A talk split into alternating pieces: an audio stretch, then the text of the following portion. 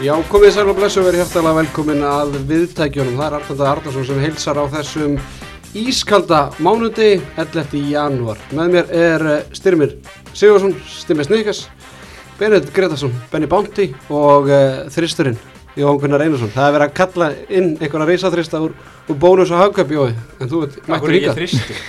Bara því nummið þrjú eða? Já, Það er bara, ekki frumlega það Nei, ég var bara að hugsa hvað, það er ekkert, Snikkers bánt í þristur hvað var þannig? Já. Já, eitthvað svo leiðis Já, ég sá það, akkur var hann að kalla það inn það var hún mikið plastbræðað að þeim. Það var mikið plass bara Frá Kólus eða?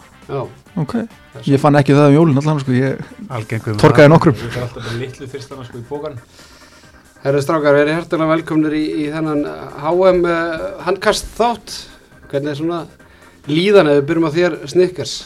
Líðaninn, Já. hún er betri núna en fyrir svona tíu dögum sko Ég er bara gjörsanlega búin að taka mig í gegn á nýja ári Spurning hvað endist lengi Kannski inn í næstu viku eða eitthvað Er það ekki algjör óþorfið?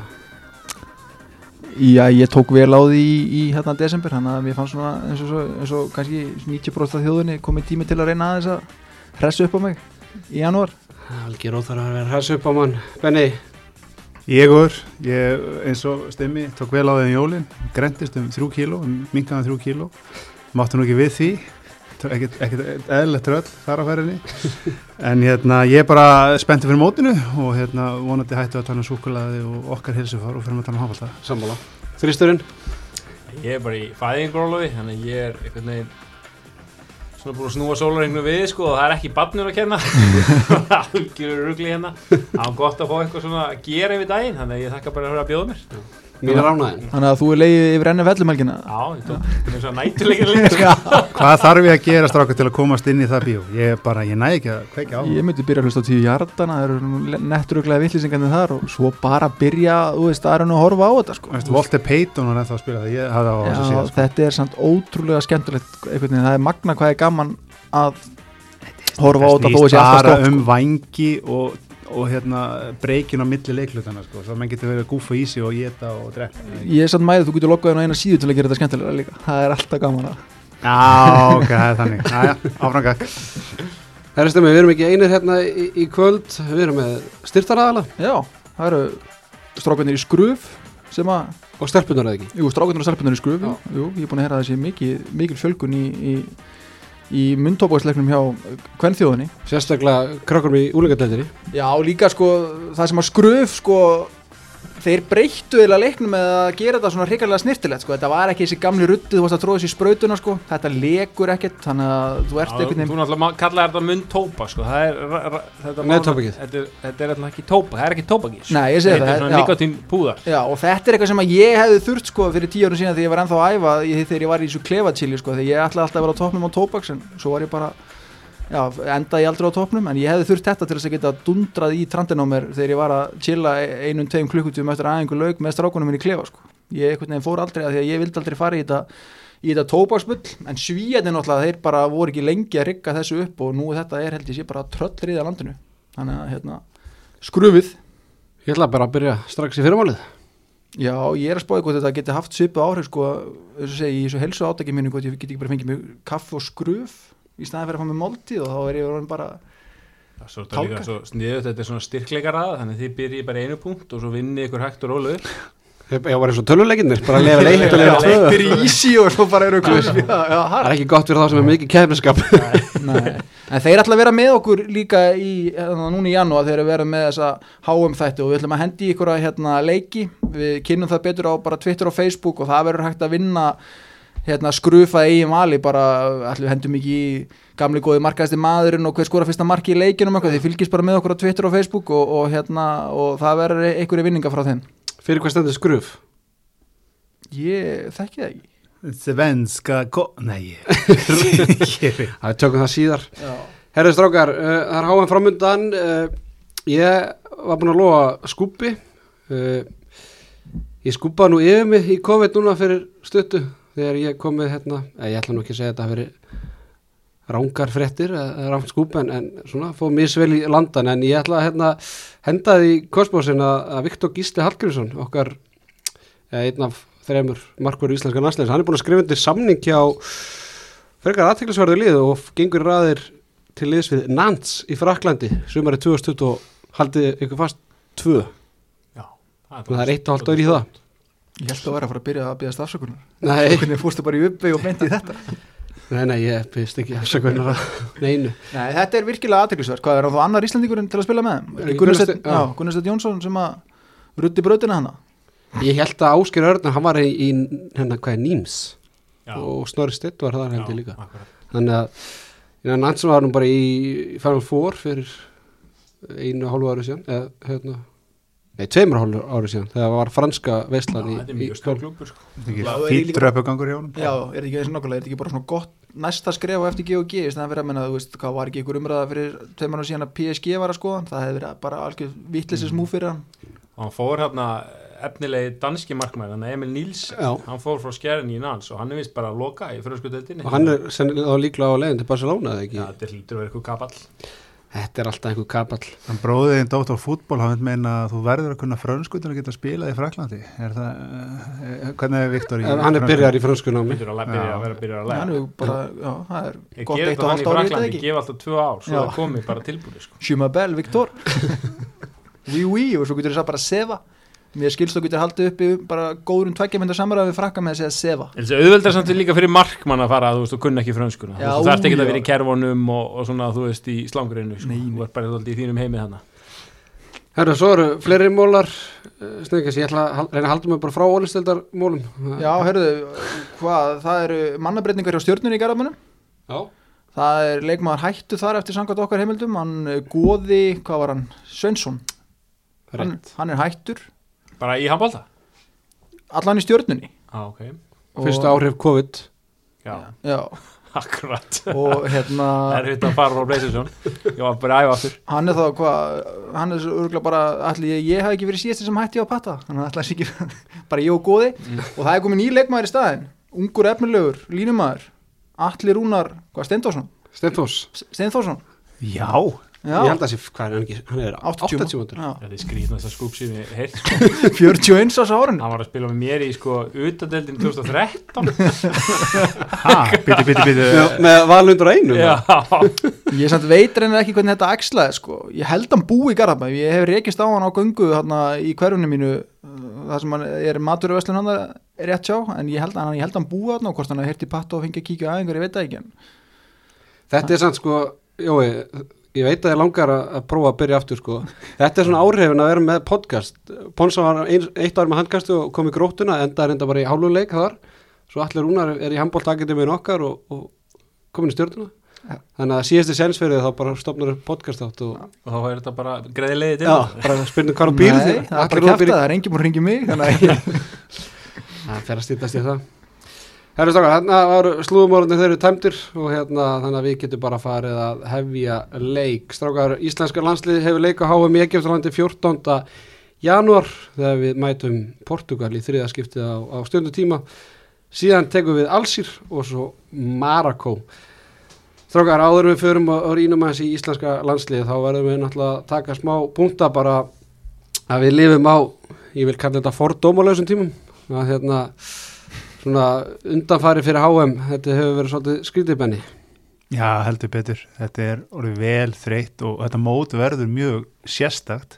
Þeir náðu nú að keira þig gegn að það verði ekki einhverju frusandi Egiptar hérna í öllum, öllum hotnum á leikjónum. Ég held að það sé bara gott múf. Og svo bara kemur til með að vanta fullt af sterkum leikmennum inn á mótið og, og það mennir byrjar að, grífast í vissum landsliðum hverju ætla að fara og hverju ætla ekki að fara. það er bara mjög fallegt Og það er bara mjög næs og allt það en við veitum bara allir sem eru heilir og gefa kosta sér fara ekki fyrir okkar hönd og það er það sem skiptir máli. mm -hmm. Jói, nú ert þú með smá tengingar í þetta landslið hefur heyrt eitthvað svona veist, hefur verið mikla svona breytingar eða svona öðruvísi svona undirbúningu fyrir þetta mót hvernig gekk þetta, ferðalega náttúrulega hann endar Björgur Páll fórendar ekki til Portugals en, en hefur heyrt eitthvað svona hvernig þetta hefur verið hefur þetta verið eitthvað öðruvísi en vannulega búblan góða? Já, búblan er bara þeir leið mjög vel í búblunni en bara upp á held ég bara undirbúningi gera þá hendar þetta okkur mjög illa held ég svona bara eh, miklu verð heldur en flestum öðru því við erum svona doldið svona förum doldið langt á bara skipulagi, taktík við erum ekki með þessar einstaklingsgæja eins og þessi stóru þjóður í kringum okkur sem bara geta búið til bara hellingur úr ekki neinu. Þannig við erum daldið svona háður í þessum vídeofundum og bara, þú veist, einæfing er bara yfirtala og svo, þú veist, gummi vanu það, það bara fer einæfing bara í, í 2-3 kerfi, hann hefur, þurft, eins og sagði hann í viðtali fyrir leika, hann bara þurft að sjóða þetta allt saman.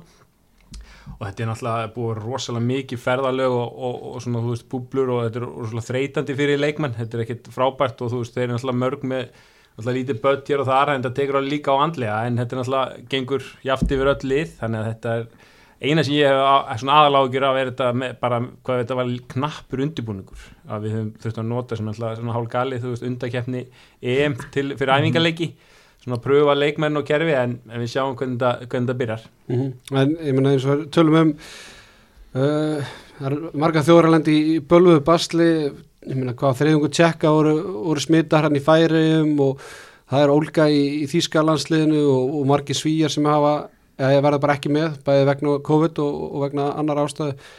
Við erum, okkur, okkur vantar Aron og náttúrulega haug þrastar.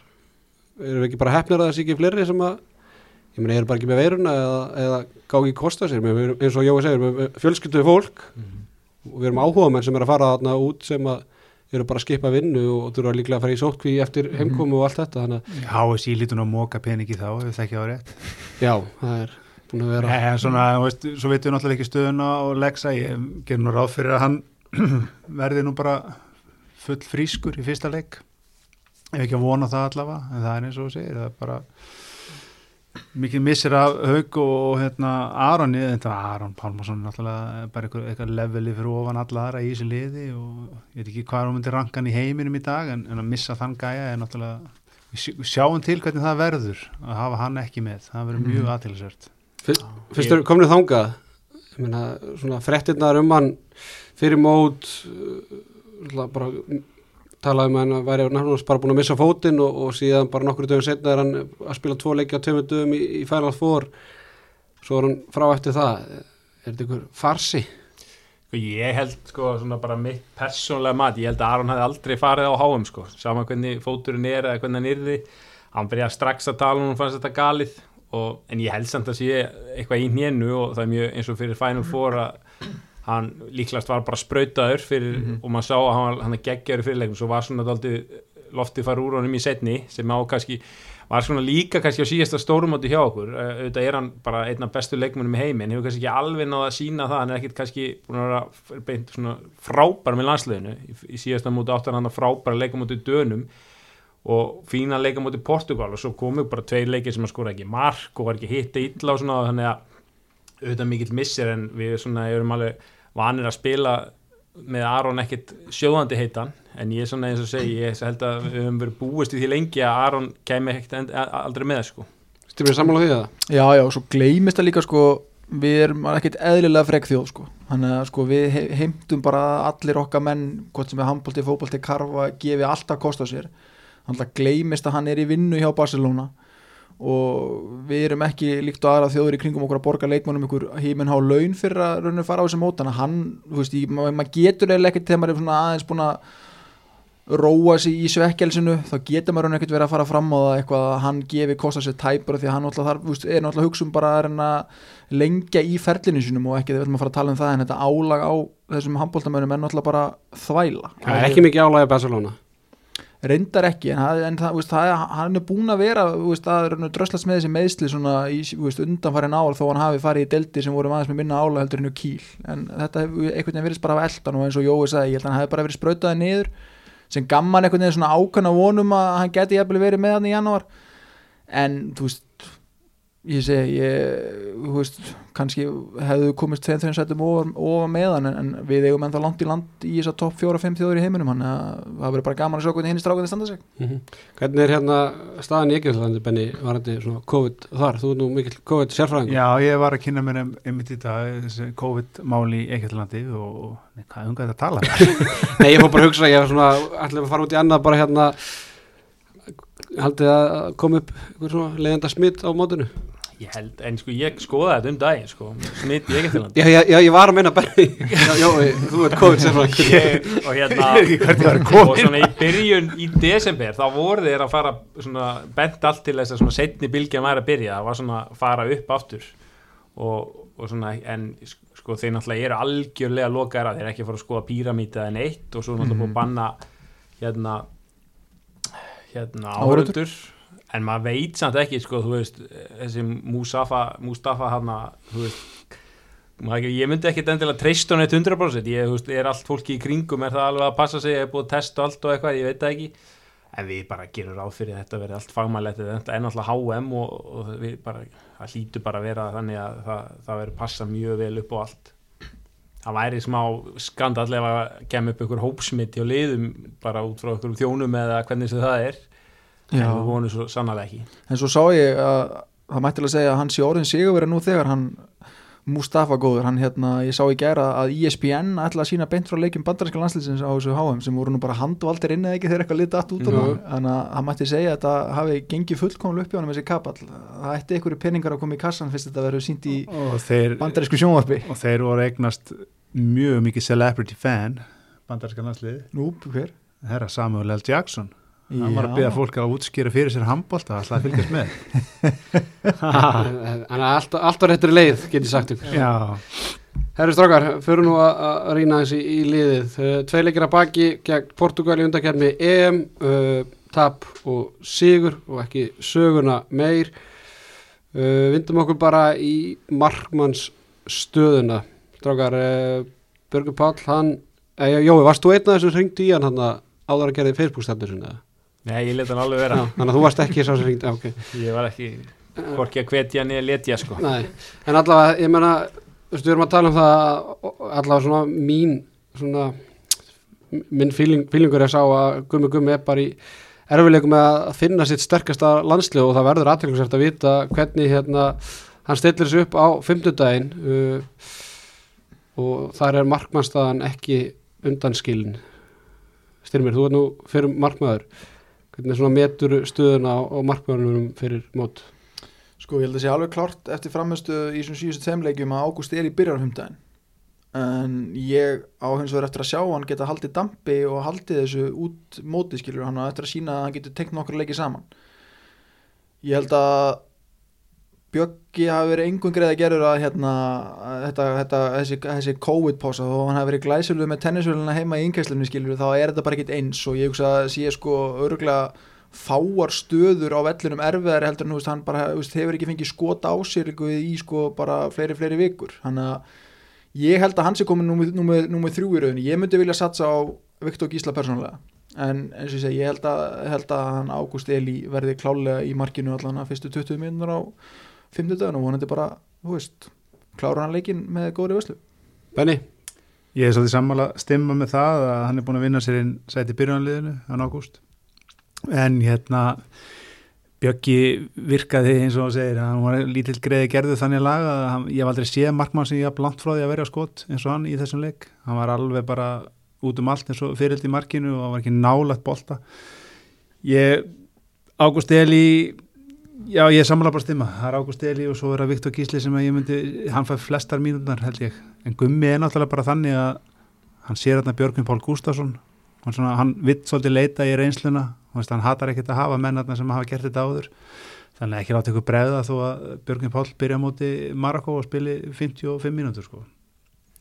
Já, ég hérna sko Ágúst er orðið nummer eitt. Það er bara, hann er búin að vinna sig í það, ég held að hann sé smá vandrað með hver er að vera nummer tvö og, en auðvitað eins og með bjögga sko eins og veist, íþróttir og svona þetta snýst bara um endurtekningu mm. maður ma, veginn eins og eins og maður er með svona password í vinnutölvinni og maður gerir það náttúrulega bara random maður er í vinnunni og svo fyrir maður í jólafrým og gleymir sem bara passwordum leðar maður er komin út að maður ekki gerir það. Þetta er svona, kannski ekkert frábær samlíking. Ja, bara mjög góð. Það var bara En 100% það sem ég svona heyrði að, að Viktor væri ekki búin að verja neitt frábælega á þessum landsinsæðingum og þess vegna er hann í svona smá vandræðum hver, hvernig hann á að treysta hann með tvö sem er alveg skrítið út, hann er búin að verja mjög vel í, í Danmörku.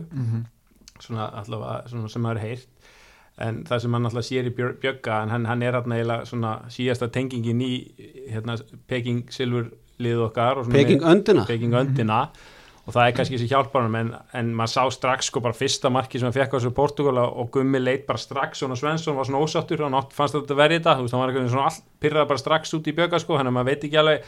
Alltaf með í, hérna í hausnum að hann er ekki búin að spila bara leik síðan eitthvað neitt leik, tvo, þrjá leiki hérna þannig að ég, eins og segja, hann er ekki búin að velja held ég hverju verður með ágúst í fyrsta leik, en svona síðan koma hinnir tveir sem er svona, verður hans kannski þægilega, skiptir ekki eins miklu máli en við þurfum Markusli í Portugal sem Já, en síðan sko ég öfund þess að þrjá heldur ekkert að standa fyrir aftan þessa vörn. Að því að sko þeir líta náttúrulega oftast tróttalega illa út að því að þú ert að fá svona 80% af skotunum meður í leiknum er á 6 metrum eða í döðafæri þú veist, þú ert að fá það sko ég veit ekki hvað, hversu oft hotnamennir hjá Portugal fóru innlíkuðu bara á miðjunni. Þeir fengur svo stort op og svo, veist veist, var, línumenn og það var bara momentan eins og þetta var bara einhver yfirtulæðing sko 6 og 4 Já, og sko, ég held að águstili svona 70% af hans skotu sem hann varði í gerð voru ekki frá skittu með miðju þetta voru einhver X af línunni eða, eða í hotninu þar sem hann verið að snúa eða hausan eða eitthvað, þetta voru ekki þessi típisku skot sem að sér þýskumarkmenn að verja sem er bara búin að planta sinna á 6 metra sem er unni með vörninni. Þetta eru alltaf bara veist, þeir þurfa bara að giska í hvort hotnið ætla ég að geta því að þeir eru, engin, hávörn þannig að þú veist, ég myndi ekkit eitthvað elska það að standa fyrir aftan þessa vörð sko. Mhm. En svona, ég verða að veikina það svona á mín tilfinning fyrir þessa portugalsleiki að og bara miðað við hvernig Viktor Gísli er búin að standa sig á þessu móti að svona, ég held að hann væri nummer eitt uh, ég veit ekki betur en það var Viktor Gísli og, og Björgvin sem voru í leikjumóti Litá en núna Mhm. síðast eða ekki Mhm, jú. þannig að Jú. maður svona haldið Ágúst Eli var að koma inn sem þriðumarkmaður svo núna bara búm viku fyrir mót, innan viku fyrir mót Þetta er fljótt að breytast er fljótt að breytast. Alltaf Björk er alltaf ekki búin að vera að spila neitt. Þannig En- að það gjör breytist Hva, en akkur haldið að Viktor Gísli sér orðin svona aftalega í, í kokkunaröðinni Það er eins og Jó er að segja, ég meina við veitum ekki hvað gerist á æfingum og eitthvað svona. Nei, nei. Og, og hann er náttúrulega bara með já, ákveði legend hann á hliðalínni með sér, ráð, ráðleika sér hvað hann á að gera og eitthvað lítur hann að hlusta á Thomas Svensson, ég trú hann að gera Mhm. Viktor var flottur á síðasta stórmóti og sér ágætlega inn, inn þar. Þannig að eins og segi þetta er mikill hausverkur og það er, ég held að sé ekkert auðvelt fyrir gumma að vera að, að vinna eða þurfa að vera með svona marga hausverka það er samt bara einn hausverkur Já, eitt stóran hausverk já, eitt stóran hausverk já. já, já. en ég menna það, þetta gerir bara En ef að stimmi, eins og stimmi segir, ef að mikið af þessum færin sem að markriðin að fá á sér eru bara svona á 6 metrónum og bara dauðafæri nánast, þá kannski er hann að hugsa það, ég finna Björgum Páll, mér verður oft fundist Björgum Páll verja best í þessum færum, Mhm. frekar en að vera að fá eitthvað 10 metra skot á sig sko, sem hann á að verja. En ég veit ekki, ég held að, Björgi sé ekkert út um myndinni þátt að hann hafi verið mjög ósamfærandi í þessum portugalleik. Ég held að hann eigi eftir að spila meira en margir, marga grunnar. Mhm. en bara eiginginn í mér sko, ég vil svo Viktor Gísla spila mest af því að það er bara mest framtíð í honum veist, hann minni mig einhvern veginn þegar ég er svo Niklas Landin fyrst sko, þegar hann kom inn með Kasper Vít hérna, veit ekki fyrir 15 ára síðan þetta var bara trilltar reyfingar, stór bara einhvern veginn hefur allt í þetta þannig að ég persónulega verið til í að sjá hann en, en ágúst er ég byrjar 100% hundæðum og svo náttúrulega, veist, það verða allir á bekknum sko, það geggja að vera þriðja markmaður á bekk í leik sko, ég prófa það nokkur sem er alveg, Hann er bara svo þú getur bara að horfa upp í næs. Ég man bara, munið eftir einhvern markmanni sem ég haf næs gæi og Viktor. Já, landin er svona, svona svipað þú Er, er ekki flestir algjörir svona Jú. skunkar? Jú, jú. Ég er bara að spá hvort að það sé eitthvað sem vantar í hana, sko, að vera svona skunkur. mögulega. Já, djúvöld að bjökilegir þegar ég spila yngan En toppmaður undan var Herðu, hérna, hotnamennustöðunar talandi um að vera í erfiðleikum með að, að finna fyrsta mann, þá er svona er nú ekki hægt að tala um það að sé erfitt fyrir gumma, sérstaklega vinstur hotnastöðana sem að Bjarki Már Eilusson hefur nú bara eignað sér hana og, og hérna en svona, kannski eina sem að getur rætti kannski, hefði Otto Gretas ekki geta fengið tíu mínútur korter Klárlega. í síðasta leik. Skipti það samt eitthvað móli Er ekki Bjarki að fara að spila þannig með eitthvað gerist og... Já, já, en ef eitthvað gerist þá er Þetta er svolítið fyndin staða, sko. Gauji er búin að vera með sína 57 mínútur í landsleik, síðustu, 58 og halva. já, síðustu 20 og Bjarki er búin að þurfa að sitja og sitja og sitja. Nú er Bjarki orðin okkar Gauji, nýji Mhm. Gaujin og nú bara situr sá sem að, hver sem verður nú með tvö, hvort það verður Oddur eða hvort það verður Hákondaði eða hver sem það verður. Mm Hann situr bara í 58 mínútur og svo þegar við konum 15 mörgum yfir mútið grænuðaðum, þá fara það að koma inn. Já, ég Mögulega. held bara að þetta hafi verið sniðut sko að láta hérna Bjarka bara klára leikin að fá fyrirsagnin að fá Mhm. sjálfströstið Mhm. og bara kemur hann að blúsandi siglingu Þú veist, hann veit alveg, hann er með Ott hann í deild og hann er bara fínasti hotnamaður, Já. ég held að hann þurfi ekki að sjá, hann sé það náttúrulega bara á æfingum en auðvitað verið gaman bara fyrir Ott að fá hans fílingin og, og spila hans með, með gæjanum en e, þetta er svona verður vist bara líklega svona í vinstri hotnun að sá sem byrjar hann bara verður þar Já. nema eitthvað bara gerist sko Talandu svona hvað hlutundur fljótar að, að gerast Menna, hvað fyrir einu hálfa árið þá var þetta Guðjón Valur Stefán Rafni eða Bjarki mm -hmm. nú voru nánast tveir, Guðjón var náttúrulega hættur og, og náttúrulega Stefán Rafnað glímaði við bara mikil meðsli þannig að allt í henni bara oddur mættur hann 31 árs á þessu ári kom henni inn algjörlega óvörum og maður svona, já, fyrir nokkur mánum hugsaði maður bara ákvæða langt í orra eða daggauta eða hákon dada en svo eru þeir allt í henni bara konir í myndina bara Já, já. fyrir en varir þannig að þetta er fljótt að, fljótt að breytast Hvað er langt síðan Oddur hausa, reynda að hausa á ómaðir? Hvað, var það ekki 2008 í Þýskaland níu. 2000 já, fór, og datt hann ekki bara einhvern veginn út úr liðin og út úr myndinni í einhver tíu árið? hann kom ekki aftur sko Já, Þetta, hann er náttúrulega 90 mótur, hann ég held að hann hafa 18-19 ára, þetta var, held ég. Já, ég held ég ekki sé mynda hann í tíu ár sko. hann er, hann er, hann er, hann er ekkert breyst hann er nákvæmlega eins og hann var því sem hann síðast sko. akkur er sken sko Og í Já. hæ- hægri hóttunum strákar, þá er þetta náttúrulega bara Arnóð Þór Gunnarsson og, og Sigvaldi, ekki þó Kaldalón, Kaldalóns. Drunch. En Arnóð Þór, fyrirlið íslenska landslýs og voru eitthvað aðri sem komu til greinar hjá því. Í hæra hodnið, Nei, fyrirliða stuðuna. fyrirlega stöðuna Já, það bara myndi ég halda Björgum Páll, það er svona eina en svo þegar náttúrulega Arna Valið þetta, þetta er pottitu náingi og búin að vera þarna heil lengi og það er ekkit svona, svona kjaftaði í kringum hann og bara flottu fyrirlið held ég sko og svo, maður heyrði nokkuð nöfn þarna í mér og svo Kári svona en hann er kannski ekkit endla fyrirlið, hann er bara svona fyrirlið kannski utanvallar, svona mikill peppari. Gaman að fylgjast með honum á, ferðalögum og svona og, en mér fannst það bara að vera alveg gefið að Addi Mal væri fyrirlið Samálabenni. Já, bara 100% Hann líka með þessu góðu gen Geni, sko. Já, já, fyrirlega gen. sko. Mér finnst ég sjá mun á hann með viðtölum. Sammála. Hann er eitthvað svo, já þetta er bara rosalega fagmannlega framistaða og karakterinn og hérna, ja, veist, hann er mist vanta svolítið svona það sem að var í honum, það er greinlega búið að taka hann og pakka hann saman, sko, hvað mátti segja og hvað mátti ekki segja sem fyrirlið. Ég held að hans, já, já, eða hann að reyna að passa sig bara. Já, eða hann, já, ósjálfsagt Já. er hann líklega því að hann og ekki svo Guðjón Valur hefði alltaf passað sig í viðtölum, sko, þegar hann var eitthvað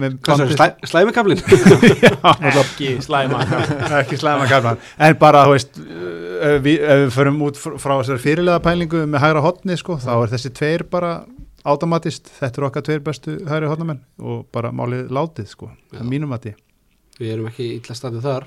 alls ekki. Ég er hvernig ég veit sann sjá Sigvald að fá meiri spiltíma, ég veit ekki hvað það er sko, bara kannski er það eitthvað svona að langa að sjá eitthvað svona nýtt og fest sko, en Addi þú skilur alltaf sínu sko, hann, að, Hann er gerir að það bara. já, Og mikið. já, ég er að segja það. Fyrir það sem vilja sigvalda, þá er ekki hægt að réttlæta að, að Nei, það er svona, þú veist Addi er svona bara svona pottita típa en ekkert í einhverjum svona snúlum eða neinu krúsitulum, hann bara fer inn og bara Tekur sitt færi. Já, á með svona, þú veist, það er meiri stökkraftur og meiri svona, þú veist, svif og dúl í dúl en það, þú veist, hann gefur jafnmörg mörg sko. góðu varnamar það er þessi gummi fíla sko svona, þetta fer ekkert mikið fyrir honum en þegar menn sjá hann hann í hotninu og línum menn oft svona reyna að líma sig á hann til að vinna með skittu og sjá þannig að sér gott í glóðurinnar en hann missir einhvern veginn aldrei, hann er alltaf forvinna og náttúrulega nöyt sterkur þannig að, að það er náttúrulega mikill kostur líka. Og ég held að hann hefði raun og verið tekin fram með Bjögga því að ég hugsa bara gummi veit ekki hvað hann hafi Bjögga sko, bara hennilega hvort að Bjöggi hefði verið í hóp eða hefði verið 16 á skýslu út í Egetalandi eða annað, þú veist, út af þessu æfingarleysi hérna heima, ég hugsa, þetta er svona meira, þetta er svona örugara val að því að hann vissi að Addi myndi alltaf vera ámögulega og addi kannski fleiri ár líka. líka það, ef menna kemur ekki bara Aron aftur og verður fyrirlið þegar hann kemur, menna það veist mér líklegt. Maður veit aldrei.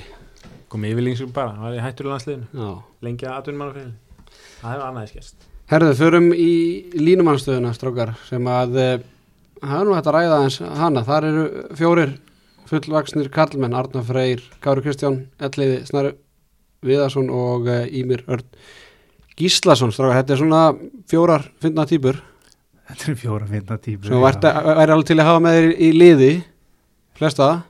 Já, ég sagði eins og ég sagði á Twitter, ég elska að nú er ég byrjað að halda með í mig og halda með elliða sko, til að kirkja þá sko þegar ég voru að spila með val og IPVF þetta er bara svona, ég get ímyndað með hvað er leðilegt að spila mótið þeim sko. Ég get alveg ímyndað með það. Og, en vandamálið er bara veist, sóknarlega veist, getum við treyst á þessa gæja til að skila, delivera svona alveg bara konstantli allt mótið? Segðu mér. ég, ég er efins Kári ekki í sínu besta formi orðum það þannig. Og hann er náttúrulega eins og allir ekkit búin að vera að koma mikið við bolta undanfarnar vikur. Ég meina Ímir og, og Elli náttúrulega fyrst og fremst góði varnamenn ég veit ekki alveg með Arna Frey sko ég eins og ég var spenntu fyrir hann, ég held að allir hérna inni hafi verið ógeðslega spenntu fyrir þessum strák þegar hann kom fyrst upp.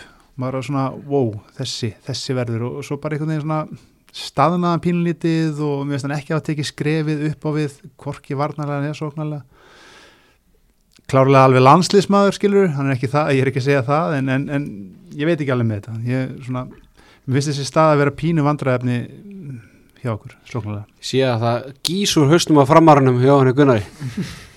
Ha, Nei, ég sko ef við byrjum bara sóknarlega með þessa línumenn að það var, voru ákveðin vombriðinu í leikunum úti hvað þeir sköpuðu sér lítið það er ekki alltaf bara að segja að útileikminn er að gefa þá meira.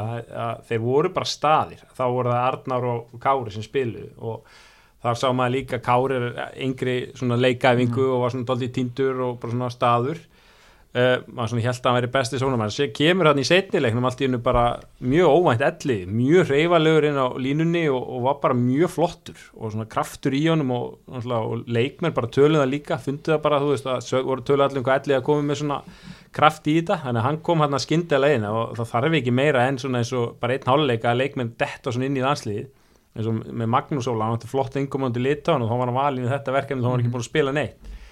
En en hérna, en smá eins og segja með Arnafrið, þetta var smá vombriði svona þessi tveir leikir fær hann að þrisa tvær sem er uh, bara rándýrt í alþjóða bolta núna að- fara og vera að láta reka sér mikið út af Eh, ég held hann ekki verið með eina löglega stöðu, stöðun í báðum leikjunum, sko, hvorum leikjunum, leiknum sko. en hann er alltaf er þannig hlutverki hann er svona meira elda línumann en er mi- með minna svona út að brjóta en samt hann er svona smá furðulegt og svo næra hann ekki að koma sér í færi en hann er eiginlega eini svona, svona línumann okkar svona, eða svona, náttúrulega hann og Ímir svona með hæð og styrk til að berjast við þessar línumenn kannski svona eh, þegar einn fer svona út og þá þarf einn að býða en eh, ef við svona kannski giskum á hvernig hver á að byrji, hver byrji hérna þá held ég hann byrji með þá hérna Arnar og Ími í miðjublokkin og svo byrjar Arnar bara svona til að fækka skiptingum. Þú getur ekki verið að skipta rosa, þú getur ekki verið með Ími og Arnar og skipta þeim báðum út af til að fá fá þriðja línumann inn í, inn í leikin sko. Þannig að þetta, ég held að hann svona ég reikna með því að það verður svona byrjunin en, en svona smá vombriði með Arnar en aftur á móti svo kom ellið hann óvænt búin að bæta sig greiðlega mikið bara á þessum stuttan tíma hann út í aðunmennskunni er þú ert hrifun Arnari í þessum leikjum Nei, ég var það ekki, þetta er ábyggilega indæli strengur og það kannski er hans kannski bara, þú veist, hann, hann kannski þarf að vera smá meiri svona reppi Já, þú veist, hann er einhvern veginn svona, þú veist, mér finnst að þegar hann kemur inn og það finnst maður svona hafið allar heimsins áhyggjur á herðum sér, mér finnst það svona vanta smá út með kassan og upp með höguna og hérna þú veist, mér finnst hann alltaf einhvern veginn svona eins og hann sé bara einhvern veginn pínu búin að gefast upp á þessu því að hann er búin að eiga þú veist, nokkra, uh, hann er búin að eiga fleiri lélega leiki heldur en góða með landsliðin og var náttúrulega bara dottin úr þessu á gumma. En kemur síðan inn þegar gummi byrjar að þjálfa hann raun og veru. Er svona eins og við vorum að díla við í Kanada þegar Heimir Ríkas valdi bara framæli landslið wow. maður átt aldrei breyka því að, því að þeir voru æfingi hann allar daga skilur en þú veist kannski sér gummi að því að gummi var ekki hans mesti ádáðandi hérna árum áðum úst manni og, og- en hann virðist eitthvað sjá á æfingu núna hjá Melsungen í hennum og eins og Jói kemur inn á veist þetta er eini maðurinn hjá okkur sem getur ég, sp- í dag spilað vörn og sókn í 60 mínútur raun og veru og og ég held hann sé með hann inn á aðalega til þess að fækka skiptingu ef Kári væri í leikaðingu og allt væri eðlilegt þá hugsa ég að Kári myndi byrja inn á þessu en og Jói kom aftur réttilega inn á þarna, þú veist, hann kom inn á hvað, í tíu myndur á móti á móti Portugal og einhvern veginn bara, þú veist, átti ekki breyk hann er svona, hefði mist einhvern veginn svona handboltastyrk, hann er örgulega búin að lifta þessu brjálæðingur í þessu pásu eða ekki, ég veit það ekki en þú veist, einhvern veginn svona bara þú veist, styrkurinn sem kemur á því að vera í kontakt alla daga, þú veist, mér, veist, mér, mér fannst þér ídónum einhvern veginn allt of léttilega, sko, því að hann hefur eiginlega verið eini maðurinn okkar undan fyrir náður með skrokkin í hennan alþjóðlega bolta en getur því miður ekki spila vörn. Það var náttúrulega draumur. En hérna, við vorum að tala um, eh, við náttúrulega erum að tala um Ími og, og Arnan Frey, svona líka sem þristan okkar og þú varst að tala um það, Jói, að, Arnan Frey er kannski svo eini sem getur haldið einhverjum línumanni eða þá- var- varnarlega ef, Ími er hérna aggressífu þristur en maður sá það bara, meina, hvað, Portugalir eru með þrjá þarna helviti þykka línumenn, við áttum bara ekkit breyk og, og, og það er sama og kannski styrmið var að koma áðan sko þegar við varum að vorkina markmöðunum hvort að við séum nægilega líkamlega byggðir til að spila þessa vörn gegn svona línumönn Mm, og það er oft verið gaggrind gumma gum fyrir að vera kannski ekki með plan B eða jafnvel C þegar Sko, úti í leikinu Sorry, ég komið. ætla að svo að grípa þetta. Mér varst betra í gær þegar Portugalina af einhverju óskilinlega ástæðu fór í 7 og 6 5 mörgum yfir. Og það er ekki fengum að þessi, þá íttur okkur niður og þá eitthvað neginn, þú veist Lendið Já. sem mútið Makedóni og, og allt já, það. já, ég veit samt ekki, veist, ég persónulega sem ekki það að mín markmanns ferill það verið, þú veist, mér, veist, mér varst betra að fá skot frá skittu heldur en að raunur 6 myndrum í kontakta sem þú ert alltaf í tvöföldun séns og það, því að við gefum liðunum alltaf tvöföldan séns, við brotum alltaf á, á, á, á þeim sko, þannig að ég hvernig myndi halda, en ég veit ekki hvort að þeir fílaði strákunni betur ekki, hérna, sem er í markinu að fá bara frekar skittunar upp, reyna að vinna í einhverja háblokk með, hérna, í mig og Lágblokkinni? já, eða lágblokkinni, já, já, þú veist. En já, En ég meina, þið sáðu það í að ég sá það allavega persónulega að við hóum bara í bölvuðu basli með sem hann þrist og línan undir og rikking og svo veist, hjálpar örnin og þá er alltaf bara allt opið með litt og tvö og hotna maður í, bara í döðafæri sko, Já, Já, gaf okkur smá bara svona líka uh, svona falska mynd hvað sem er smá, þetta var oft og, og svona komið kapla sem vörnaði fín, en línumenni klúrurugla sex bara dauðafærum hérna í leiknum heima, Mhm. sem við fengum bara sem hefði, hefði skorað á því þá hefði þetta litið bara mjög illa út. En Ágúst bjargaði þessu mjög, mjög mikið hérna og þá svona, svona þegar maður svona lítur snögtu í leikin þá svona, já, bara vörnum markværslega bara mjög góð, þeir náttúrulega ekki nema eitthvað 23, 23, 4 mörg en þetta er svona eins og sem átt og þeir greinlega bara spiluðu það, þannig. Þeir byrjuðu bara að fá ími sem lengst út og svo bara var línumæðurinn að taka sér stöðu og Arnar fær báðum leikjunum tvisa þrjá, þr- nei, tvisa þrjár mínútur. Þrisa tvær mínútur sem því það hann var bara í böluðu bastli, hann var að lenda aftan í þeim og var svona að bjarga sér og tói það og svona. Og pluss það fengur oft döðafærið þannig að þetta, það er auðvitað sem Gummi er að hugsa svona núna uh, það er náttúrulega, þetta er svona skrítið þetta mót, þetta er svona tvískipt. Það líka aðeins að spá í millireilina þar sem við lendum út í frökkum og norugum og það eru nú tankar sko. En þetta verður gaman að fylgjast með þessu sammála því benni viltu bæta ykkur við? Nei, ég bara það sjáastu bara. Já, bara ég, og þeim er auðvitað pínu vorkun eins og þið segið að vera með svona ótrúlega stórt og mikið pláss og með þessa hlunga í fanginu allan leikin veist, þetta er ekkert sverri sem er hann inni, þetta er Arnar og það er tölur munur á því og Gummi hefur bara tröll að trúa á þessari vörn og ég hef ekki bara vona og halda það og treysta því að Gummi viti hvað hann er að gera. Hann er nú sínt það áður. Mhm. ég ætla bara treysta því. Já, eins og komið er. Já, Herðu, hérna förum í hægri skittu stöðnastrákar þar sem að ef við tölum um einhvern hausverk mark, markmastöðunni þá ég ætla að tilla þetta sem stærsta hausverkin. Hæri skita Já, bara fyrir gum og gum bara Mhm. hver nummer eitt, hver nummer tvö, hver nummer þrjú. Ég ætla, Nú ætla ég að byrja. Já, ok. Ég fór svona ímynda mig bara hvernig sko, náttúrulega Pettersson byrjar þarna fyrir leikin færa þessi suttarlegu höfuhögg á fyrstu fimm minnundum leiksins og þá svona bjóðs mér ok, Viggo kemur inn núna búin að bara eiga mjög góða landslisferil ef feril skal kalla það.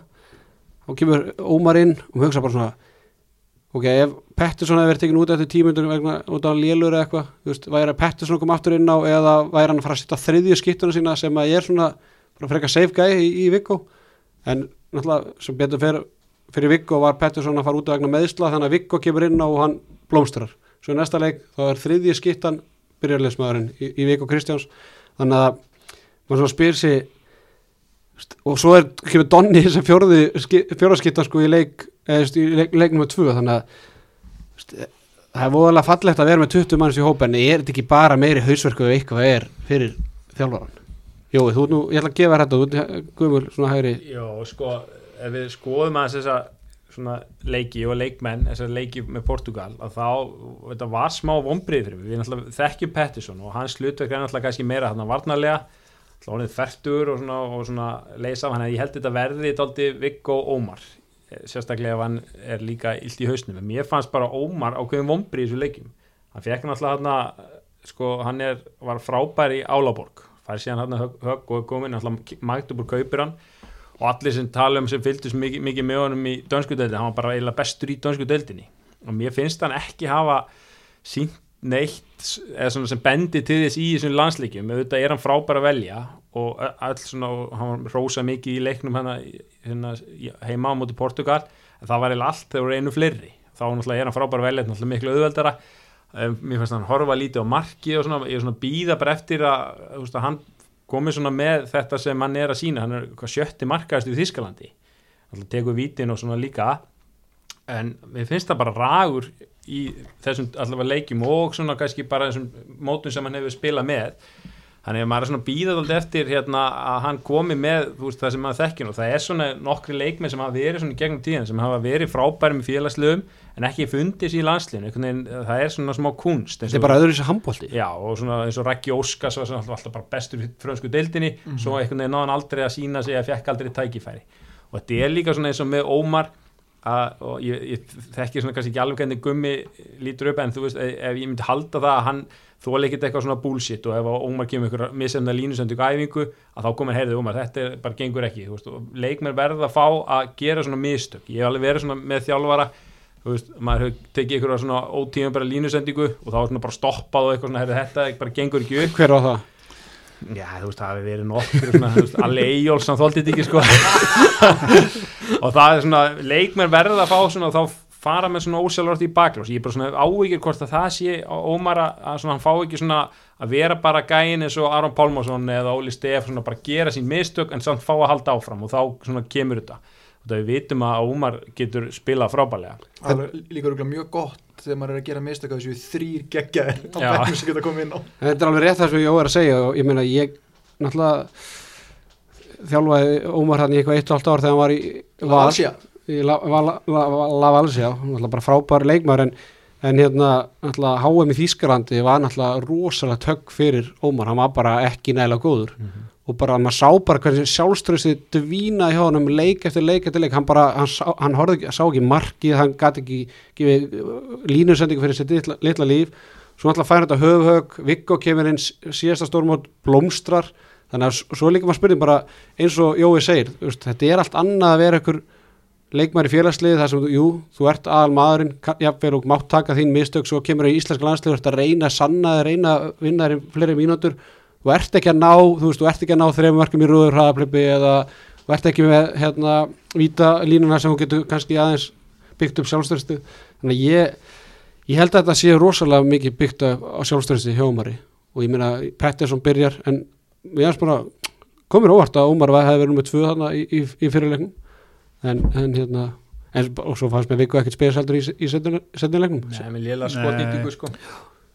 Hann er náttúrulega akkurat þveru upp við Ómar, hann sér bara markið. Já, Já, svona, þetta er svona logi gers í honum. Já. svona, þú veist, ef við þurfum eitthvað svona að vera ekkert að ganga og við þurfum eitthvað svona jókur inn á manna í, í fyrirleiknum, ég manna hann fintaði þarna bakverðin sko upp úr skónum hann að tvisasunum sko hann en, er með þessa antilópu fintu sem að hann er svo með þarna En- notar hann svolítið mikið. En þú veist, getur þetta ekki verið líka með Ómar að tala um, þú veist, mismöndi handbólti sem við spilaður við vitum það í Þýskalandi að, þú veist, Ar, Ar, Aron Pálmann talaði um þegar hann var hjá Kíl miðjumenn eru bara til þess að gefa á, á rauninu skittur og hann er kannski með eitthvað að risa veist, því líkan gaur þarna sem er vinstra meginn sem tekur mikið tissin sem maður getur svona losað yfir á hann og hann, hann er kannski að fá bara mikið betri færi hjá Mhm. hérna, Magdeburg. Já, Magdeburg en veist, ég myndi vilja, sko, ef við erum einum veist, ef, ef við erum í yfirtölu þá myndi ég spila Ómani alltaf að því að hann svona getur leist hlutarki hans Arons með að taka ákvörðum hvað á að gera því. Mér fannst þetta ekki þegar, við vorum í yfirtölu í Portugal sko, veist, úti í Portugal við bara töpuðum þeim kapla nær undantekningalöst og bara mér fannst Elvar ekki verið að velja vel þegar hann fekk ákvörðantökuna þannig að þú veist, ég hugsa þetta verði svolítið meira, þú veist, mikið á milli Ómars og Viggo, ég hugsa að Donni fái voða lítið mínútum því miður á þessu móti. Jó, hefur eitthvað heyrt stöður á Pettersson eða? Nei, ekkert ne meira neitt sko en sem við verið í fjölmjölum sko. Guðma eftir að keira hann út ef hann er í lægi sko. lofa ykkur því, hann er náttúrulega að nota hann meiri sóknandi haldið. Já, það getur verið En svo náttúrulega, ef maður spáir eða svona snýri svo við ef við varum að fara að mæta landsliði sem væri með næst markaðasta mannin búndislíkunni og sjötta markaðasta í hægri skiptunum maður væri bara shit, þetta verður vesen. Já, en samt einhvern veginn svo ekki bara Pettersson, fertuðu kall Já, sem eru hérna Viggo og Ómar en mér, þeir verða svona að fá að svona sína þá í landsliðin líka að þeir eigi svona, takið svona nokkra stórleiki sem þeir hafa gert í búndislíkunni og við vonum bara að þeir geri það. Svo getur náttúrulega bara eins, og- eins og var kannski hérna á síðasta mótið að Pettersson var bara frábær en náttúrulega hann dugar ekki út heilt stórmót en þetta er svona aðeins stittra kannski núna uh, mótið, veist, þetta er, er svona minni álag út af það eru svona tveir svona frí leikir, svo er þetta bara svona tveir leikir hann í millirili Þetta er ekki neitt, tveir leikir hér, tveir leikir þar. þetta er ekki neitt með það sem áður verið sko. Ótrúlega það sé ekki fleiri leikir. Já, þannig að við, svona, á pappinu erum við ótrúlega vel mannaðir og svo var Donni búin að spila frábæli í Fraklandi en einhvern veginn þessar tvo leiki þá svona dróða þessu svona væntingum mínum með hæri skiptunni, það náði ekki alveg að sína sig en maður svona vonar að þetta að þeir komi svona betur inn í það. Já, við tökum byrjanleginu eftir þannig að ég ætla ekki að vera að fá upp úr ykkur strax.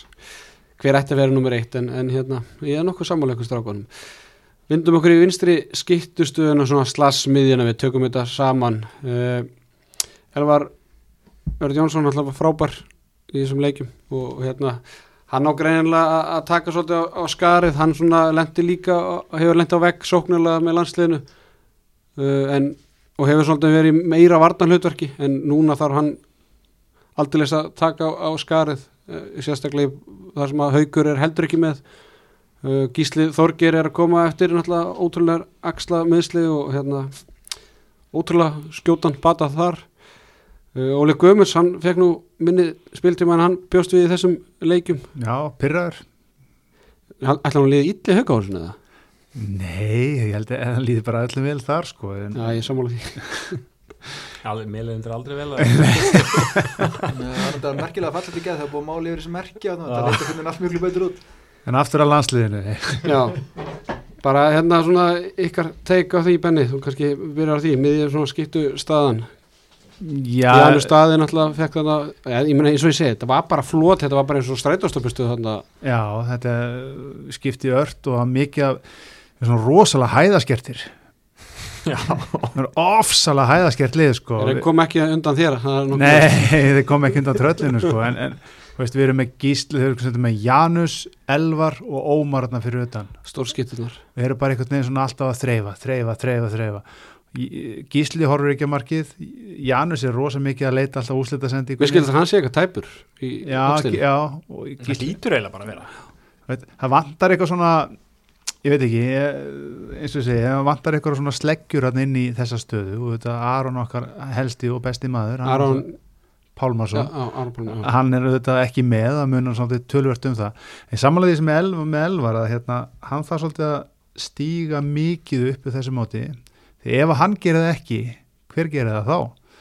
Því þetta vinstri skittan er pínu hausarkur já, það ég, ég er allavega sko ég menna Ólafur Guðmundsson er bara solid landslismadur flottur svona sem kostur nummer tvö. Ég menna Óli Guðmundsson er ekkert að fara að leiða línuna eitthvað í ykkur mörgur leikjum sko. Hann, hann getur sett nýja móti Marako ég segi það ekki. Það verður spennandi að sjá. já, En þú er að sér það samt svolítið á honum á fyrstu tíu bara. Annarkot er að ná leiknum sínum eða ekki sko. mér finnst- það er svo góða punktum mér finnst Óli eitthvað þegar- hann hittir á leikin sinn þá er hann þá bara lúkkar hann bara völdklass það var allt inni. hann er allt inni. Og svo er þess á milli bara wow, er þessi gaur úr mílu skilur Mhm. Það er svona ef að fyrstu tvö klikka þá er hann bara, þú veist, þá getur vel að bara Já. parkera þessu en ef að fyrstu tvö eru inn og það kemur sjálfströsti með þessu, Já. þú veist Já. að því að hann er öruglega að díla við það líka að bara, shit, ég má ekki klikka að því að ég er ekki með neitt svona buffer hjá gumma þú veist, gummi hefur enga þólumæði fyrir því ef ég ger eitthvað mistök, sko, þá er ég bara fyrir núta þannig að, þú veist, svo svona kemur eitthvað kvíði kannski í hann um að hann verði bara að delivera strax En erum við að lendi þeirri stöðu að núna, við erum bara eitt að fá liðan sem spila bara með tvo örfenda inn á, akkur er heilagt að það sé rétt eftir miðum að rjóði, er þetta ekki ja. fárulegt eða? Já, ég, það, hann pröfaði eiginlega, ekkert að, að hafa kannski Ómar hann Já, Viggo, er ofta miðunni hjá hérna, sínu liði í 7 og 6 Já, akkurat. En já, tekur bara kæra og hægur oftar? Ég var alveg til í að að sjá það sko. Ég spilaði eins og leik þegar Bastur var þjálf okkur yngri flokkum, það voru fjóru örvendir inn á. Við- kemur óvart að basti að vera og við en hérna, en þetta er eins og með vinstri skittuna, þetta er, þetta er fljótt við vorum með bara besta leikmann í heimi sem átt að taka svona öll skotin og svo erum við komin nýri í elvar og elvar er ekki svona byrjunamæður í skern sko, það það er hérna auðvitað frábær leikmaður en og svo sá maður bara þessu leikjum, hann verður bara allt í unum fann að draga vagnin, hann er bara frá því að vera í raun varamæður í skern að vera bara aðal maðurinn í landsliðinu. Og tölfræðin, hann, hann er eiginlega besti svona, ja, hann og Ímir varnamæðurinn og það er ro- rosaleg ke- vinsla á honum í vörnin líka.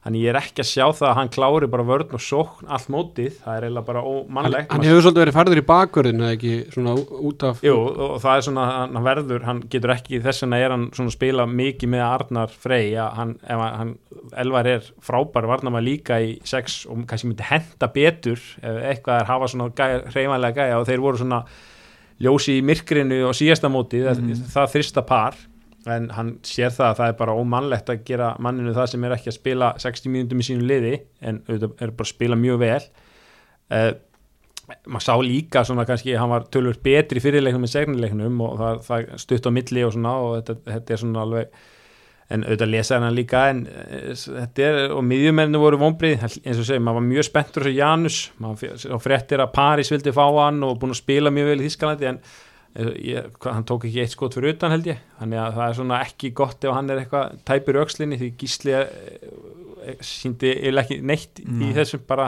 alltaf fekk að byrja hérna en útilegin sem byrja var eiginlega bara öll frekar döpur, þannig Mhm. að kannski var þetta bara oft er þetta þannig að að bara að útilegan finnir svo ekki og þá er ekki einhver eitt sem skara fram úr en þetta eh, var ekkit frábært þarna vinstra á miðjun nema þá kannski elvar, var svona ljósið í myrkrunu þannig verður við betur settið bara með tvo hunda? Já, það hjálpar okkur ekki að Gummi Gummi er ekki svo nýjungjarnasti hann er ekkit, hann er ekkit mikið fyrir það að breyta út eitthvað sem hann hefur trú á og ég er ekki að sjá hann fara að spila með tvo, með tvo runnu örfenda sko og, og þurfa eitthvað að fara að snúa kerfunum við og eitthvað svoleið sko það er, heila ótrúlega að segja og bara það að spekla ykkur kerfi handbólta er flóknari menn en haldar sko það er ótrúlega að fylgjast með því maður er búin að taka kæra á vinstri hundra sinni sko, svo byrður maður einn hægra menn og þá bara menn veit ekki hvað leikjar það er er sko. spurning skilur við, við erum ekki búin að nefna mikið ára menn þú veist, gæti Magnús Óli komið inn sem eitthvað jókar en er hann er í sama á Káru og Bjöggi skilur, hann er ekki búin að spila já, hann er líka kannski lendi, þú veist, það er sama hæði já, honum, sko. já, ég var svona eða mér minni ef eitthvað er sko ég var að ímynda mér bara, þú veist, hefði tandri verið betri kostur, þú veist, svona hvað skipta Já. enga í þetta Óli, þú veist, ég myndi bara vilja sjá Óla Gummi spila meira og leila bara þú veist, það þekkið allir þetta við borðið sem hafa spilað íþróttir að þegar sjálfstyrstu eikst og þú finnur að þú mátt hérna klikka einu, tveim færum og heldur svona áfram einhvern veginn, þá svona oft svona vill þetta koma sko. Væri það með Óla Elvar Viggo Ómar? Já, eða þá bara vera, þú veist, gefa Óli, Óla fleiri mínútur því að Óli er annarkot inn á eða ekki, sko. Óli kemur aldrei í eitthvað svona, veist, inn á í fimm og út bara til að kvíla elva, veist, Óli er bara annarkot bara fær hann að spila eða bara hann er nefnir bara... gær, hún var hent út eftir fimm. Já, þú veist, hann að, og líka ekki ánægð með það, strákurinn það er ekki, svo var ég fyrir þvílíkum ombröðum með Gísla Þorgir í svona leikjum, sko, því að, þú veist, maður sá alveg hvað hann gatið þetta, en, þú veist, kannski er hann líka bara ragur, eðlilega, þú veist, komandi úr þessum þvílítlöngum meðslum. Fekk kassa hann í í einu og maður sá að kvenka sig, var það ekki einmitt vinstri öxlin sem var Jú, fór í jú, hassjá jú. jú, jú. hann hefði nú betur getað sendt bara í hægur og hotni þá svona, hann að, markagræðikinn, Já. eins og pappi sinn það en var svo, þú veist er ég líka að reyna að selja sjálfum með það að vera ekki að lesa og mikið í þessa leiki og sérstaklega leikin í gær sko, því að mér, mér leið, þú veist, jú, við unnum flott hjá okkur, ég ætla ekki að taka okkur að það en mér fannst Portugal hafa svona alveg Mér fannst þið eiginlega eins og sagt í NFL bara tanka leikin Já. sko. Ég held að þetta Já. var taktík og tímabili Já. Svo bara ert ekki Já. fimm mörgum yfir í fyrirháleik Og fyrir 7-6 og tapa því bara niður og bara jack Nei. shit sama Þetta sko. var stórfyrðuleg kom bara einhverju 13-3 Já. kapli já, og þú bara hraðin var engin á þeim sko. þeir voru að spara sig bara eins og mögulega gátu sko. þannig að þú veist við erum að fara í sko svakaðalegan leik á 50 Já, ég bara, þú þú veist, ég, við hefum kannski átt að taka það eins fyrir, ég ætla að vona að fólk sé ennþá að hlusta en, en guðana bænum ekki taka hennar leik alvarlega sem var í, ég í fannst gær. þetta, já, með svona fyrri leikurinn var það var aðeins meira alvar í honum sko þú veist, en liðið sem var, þú veist, það var alltaf þannig að liðið sem myndi vinna fyrir leikin, það væri alltaf að fara að tonka setna Þeir eru líka einn inni sem heitir Duarte sem Já. er bara þeirra besti maður. Já, það er eitt trökkurinn í viðbót Já, þannig að þannig að, já, bara fyrir ekki að búin að nefna á, fyrr í þættunum og takk hérlega fyrir að minnast á þetta styrmur en, en guðanabænum ekki taka hennar leik alvarlega fyrir leikin á, á fimmtæðin benni ekki hólka á Ísland hérna mínus. Nei, ég, ég, ég er alveg kúlbett ég er kúlbett- uh, pásu, orðaða þannig. Við þetta að selja, selja bílinn og, og tvö, tvö börn.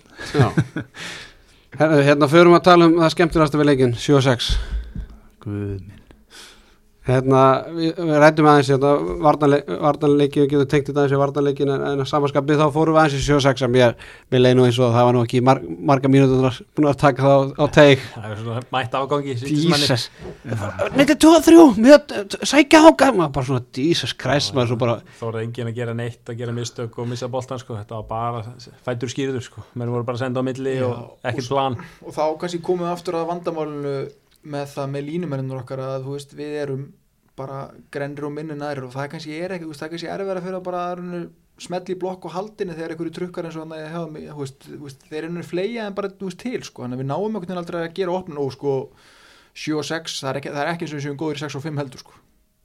Þú ert ekki ánað með það? Nei, mér finnst þetta bara að hafa verið lél bara ekki sín í mann eftir mér hefur landslið einhvern veginn aldrei masterað að vera í yfirtölu. Við erum alltaf bara þú veist, það er bara það er alveg sigur ef við náum að fara út úr í jöfnu. Já, bara mjög gott. Við erum ótrúlega miklu klaufar í yfirtölu. Meiri sem þið vorum Óla Stef sem, sem maður valdi alltaf rétt sko. Það er eitthvað, eitthvað hugafar Nei, sko, ég þól ekki sjósaks. Ég bara er Það er þá slekki á Mæku, Takk fyrir þetta. Nei. En, en, en fyndi eins og við vorum að ræða á hann með varnarlega að það hendar okkur stundu bara betur að spila mútið 7 og 6 þá fyrir við hans aftar. Þetta er já getið ímyndið ykkur að Gummi Gum er að klippa leikina og bara þarf að býta oft í tungun á sér horfand upp á varnarleikina okkar 6 og 6 og að þetta sé að það sem hann stendur fyrir þetta lítur bara með fullir veriðingu þetta lítur oft alveg hræðilega út sko Já. ósamálega, sammálega Hvað, bara vörnið þá? Já, var, já vörn, varnarlega, þegar við erum komnir út af 12 metra það er engin hjálpavörn Mhm. við erum ekki nægilega sterkir til að vinna stöðu maður og mann varnarlega. Við, við sko hefðum þurft tvær hjálpavarnir ofta tíðum en hún alltaf bara er ekki sjáalega þegar sóknarliðin bara draga okkur í sundur og línum að rikki frá Ma- og svo kemur hjálpavörnin allt og sennu og þá er alltaf bara heimsklasa leikmenn bara að losa og losa og ég, ég bara ef við ætlum að spila þessa vörn sem að Gummi Gummi spila þá verður Elvar að vera í þristunum Mér finnst Arna Freyr ekki að hafa fótavinnuna e- Mér finnst Elvar og Ímir gætu verið Sverrir og Ingimundur hérna, og Pettersson, þarf helst að vera í En þá erum við komin kannski bara í ómarga skiptinga þegar, þegar fyrir að hlýða á leikinn skilur við bara út á þreytu sem er úst, okkar vandamál sko. þannig að þú veist þá þurfa að fara að skipta línumann inn og Ímir er ekki að fara að spila sók þannig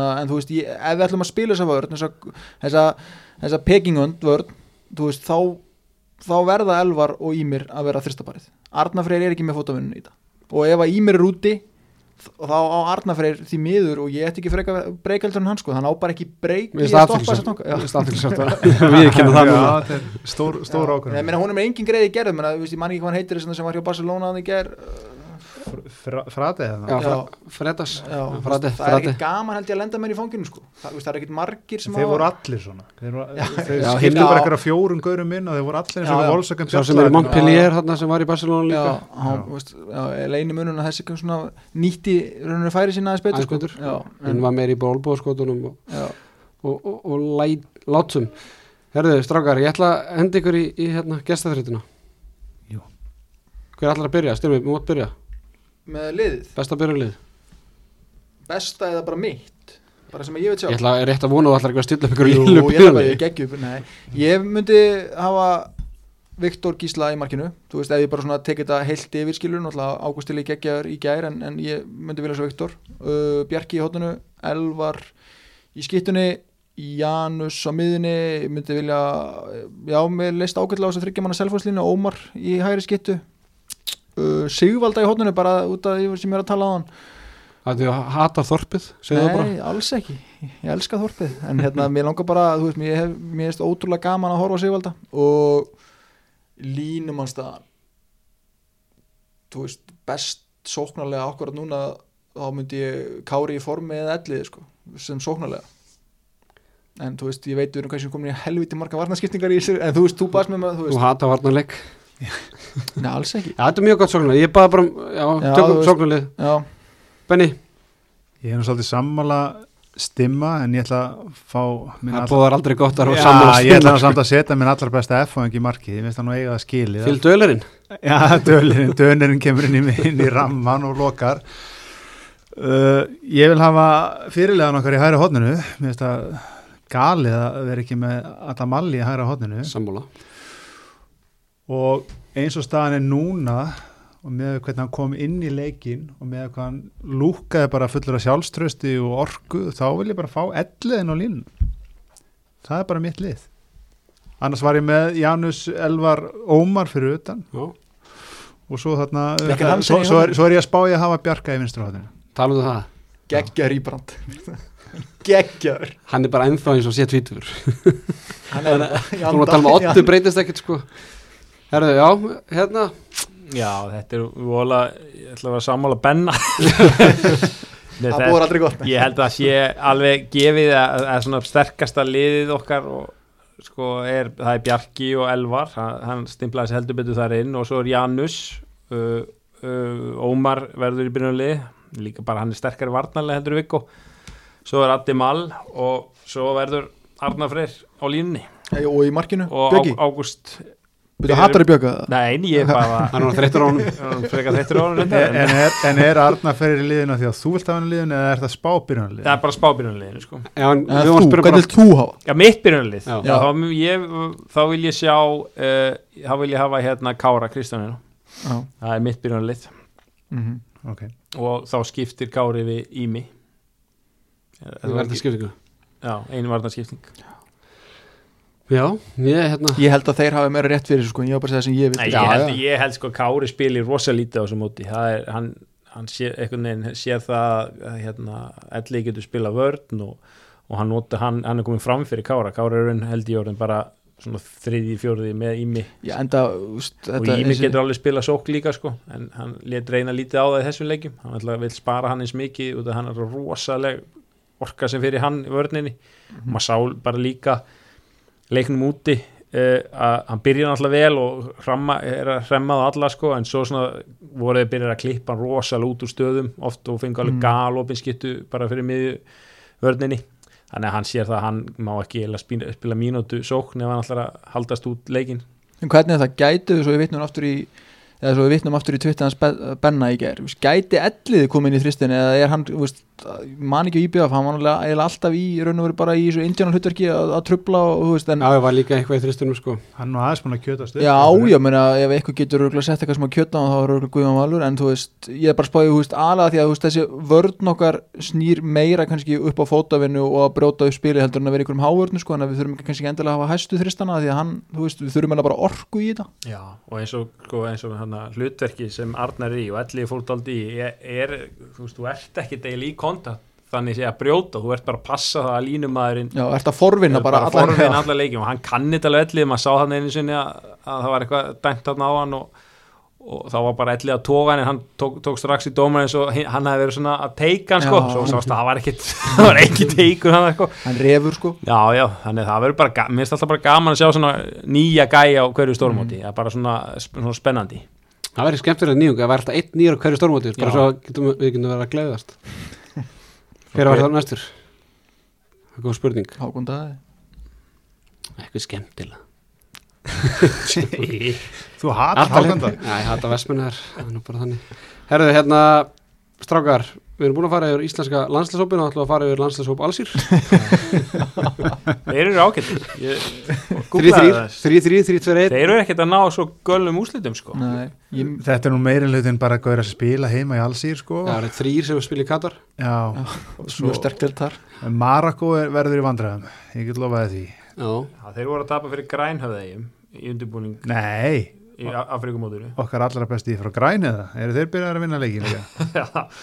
ok, þetta verður áhugavert mót En látum samt ekki guðum og guðum plata okkur þú veist, þessi tveir leikir þetta á bara að vera allan að, þú veist, náttúrulega þú veist, við getum verið glunni Marokko með loku augun en allsýr við eigum að klára það Já, sjálfsögðu að klára, við gera kröfu líka á að klára. Ég vona bara að gummi verði ekki svona klassik gummi að keira bara á öllum mannskapnum Nei. allan tíman og svo, hérna, ja, Donni, fá hérna 32 sekundur. Já. En sko allsýr er í undirbúningnum að er að tapa móti Pólandi fyrir þremur með þremur og Rússlandi með sex þannig þetta er ekkert eitthvað, þetta er ekkert, Nei. við erum ekkert að vinna með 10-15 Nei, sko, þetta er alveg leikur að Marako verður meira svona walkover sko Já, ég er að segja að þú veist bara við viljum bara fá svona örugana bara á 50. mínúti eru við með þetta í fimm mörgum og þetta verður bara svona þægilegt þetta verður aldrei í ykkur spennurugli en það hefur nú aldrei gefist landsliðinu sérstaklega vel þegar við fáum eitthvað svona 3-3 afbreyð, töpugum átti ykkur kóru einhvern tíma, þeir mættu bara í maður og mannlikuðu bara frá Já, bara já, mínútu eitt já, sko. ég horfði nú á þann leik, ég er nú það gamall ég Já. horfði á þann leik er þetta ekki rétt skilið að með mótið er byggt upp þetta er alltaf að breytast þessu,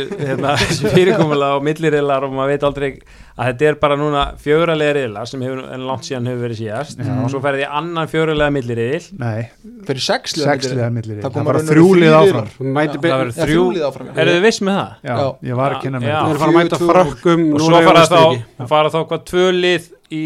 Áttalega úr öllum riðlunum er, Mm. er þá eitthvað þriðasæti sem er líka það? Nei, það er ekkert svo leiðist Það eru sko það eru 24 lið sem fara í 24 lið sem fara áfram og af þeim fara átta, bara beintin í áttalega og hér restin fyrir bara heim. Er ekki fórsetabekkarinn það? Jú, það er fyrir liðin sem komast ekki upp úr Já, fyrsta já. þar verður E ESPN Og, þann, og þannig við erum að mæta þá Nóri, Fraklandi og, og hvað Austurríki. Eða bandaríkjum Já, já, það er, já, það er ein, ég er að tala um það er eitt riðil sem fer með okkur í Já, millir já, já, ég já, það. já, já, já, já, já, og það er þessi þrjúlið Já, og það góða við þetta, ég var að kíkja á þetta er að síðasti leikurinn okkar í riðlinum er á móti Maragó og svo, og svo myndi ef allt er eðlilegt og við vinnum Portugal, ef ekki að segja það sé eðlilegt einmitt, þá væri Austuríki strax í fyrsta leik í milliriðli sem væri eiginlega bara flott. Og þeir eru að leik við Noreg á sama tíma tveimur dugum áður sko, sem er tölvöld erfitt verkefni. En nefnilega svo sorglegt við þetta nei fyrir ekki, ég er ég að ruggla við, við mætum frökkum sögðu ekki. Já, það er svo sorglegt að Aron sé ekki með á þessu móta því að ef það er einhvern tíma tækifæri til að vinna þetta franska lið, þú veist, þá er það núna sko, þeir eru búin að vera að ná alveg skýta úslitum myndafæri sko. það spá þeir í raun að flesti frökkun sem ombriði mótsins sko. Og þetta er hópurinn einhvern veginn er alltaf vanta Karabatic og svona og, og sem er svona hefur verið andlit þeirra út á við. En það er svona, það er eitthvað í gangi í Fraklandi en þetta er svo stutt á milli svona, á svona mótum að veist, ef við vinnum Portugal þá fyrir við með fjögustim með okkur í milliriðli Já, þá eru allir rosalega sáttir og hérna við hefum bara sjens að fara inn í áttalega úrslitu Mhm. og gæta alveg gæst og við allir sáttir og móti bara flott. En ef við töfum móti Portugal að þá er móti bara glata, getur verið og, og því lík vonbreiði sko, Sama hvað gerist í kjölfarið sko. í raun og veru sko, Mhm. þó er, er í raun sömu úrslit í millirjölunum að þá er þessi Pól, Portugals leikur alveg fáránlega mikilvæg Við meðum nú að eiga það, við erum nú byrjað síðustu hvað, tvö stórmöt allavega mjög vel. Já, það er að Gummi er bara klippi, tækni, skipilagsnörd og hann Mhm. fær þarna og hann, hann ég get, þú veist, í aðræðanda móts þá, þá undirbæður hann bara fyrsta leikin hann er ekki undirbúa, þú veist, riðilinn í raun. Hann er bara fyrsti leikur og þá fara bara allar æfingar í það að undirbúa fyrir mm anstæðingin í fyrsta leik, þess vegna erum við náu oft mjög góðum úslitin fyrsta leik sem alltaf er stittri tími og færri æfingar síðan í næstu leikum og þá fer þetta svona ofta dala hjá okkur. Og það væri íslenskast í heimi að vinna Portugal og tapa svo fyrir alls Já, það er svona tapa mútið Austuríki fyrsta leiki. Töpa mútið Úgrænu þarna eftir einhvern frábæran sigur mútið frökkum í Þetta er alveg ágætti sjens sko, finnst mér, við eigum ekki sjens í normenn það er bara staðan og þeir eru eiginlega bara Staðfest. þá þeir eru bestir í heiminum og fáralega góðir. En sjensin er þarna frakkarnir ef að þeir eiga slæmt móta að við vinnum Portugal og svo já því að ef að þeir koma líka bara með tvö ok, ég held að Austuríki eigi ekki breyku en þú veist, þeir fara oft í fílu sko. Ef þetta, þú veist, er bara komið, þú veist, ef, þetta lítur út fyrir að þeir, ég man ekki hvernig við eigum, frakka, ef Portugal, var, þú veist, ef þeir væri búin að vinna þá, þú veist, þá væri algjör snild að fá frakkana, en þú veist þetta er bara leikurinn á 50 daginn, hann svolítið bara sker úr um geðhelsu landans í, í, í janúar.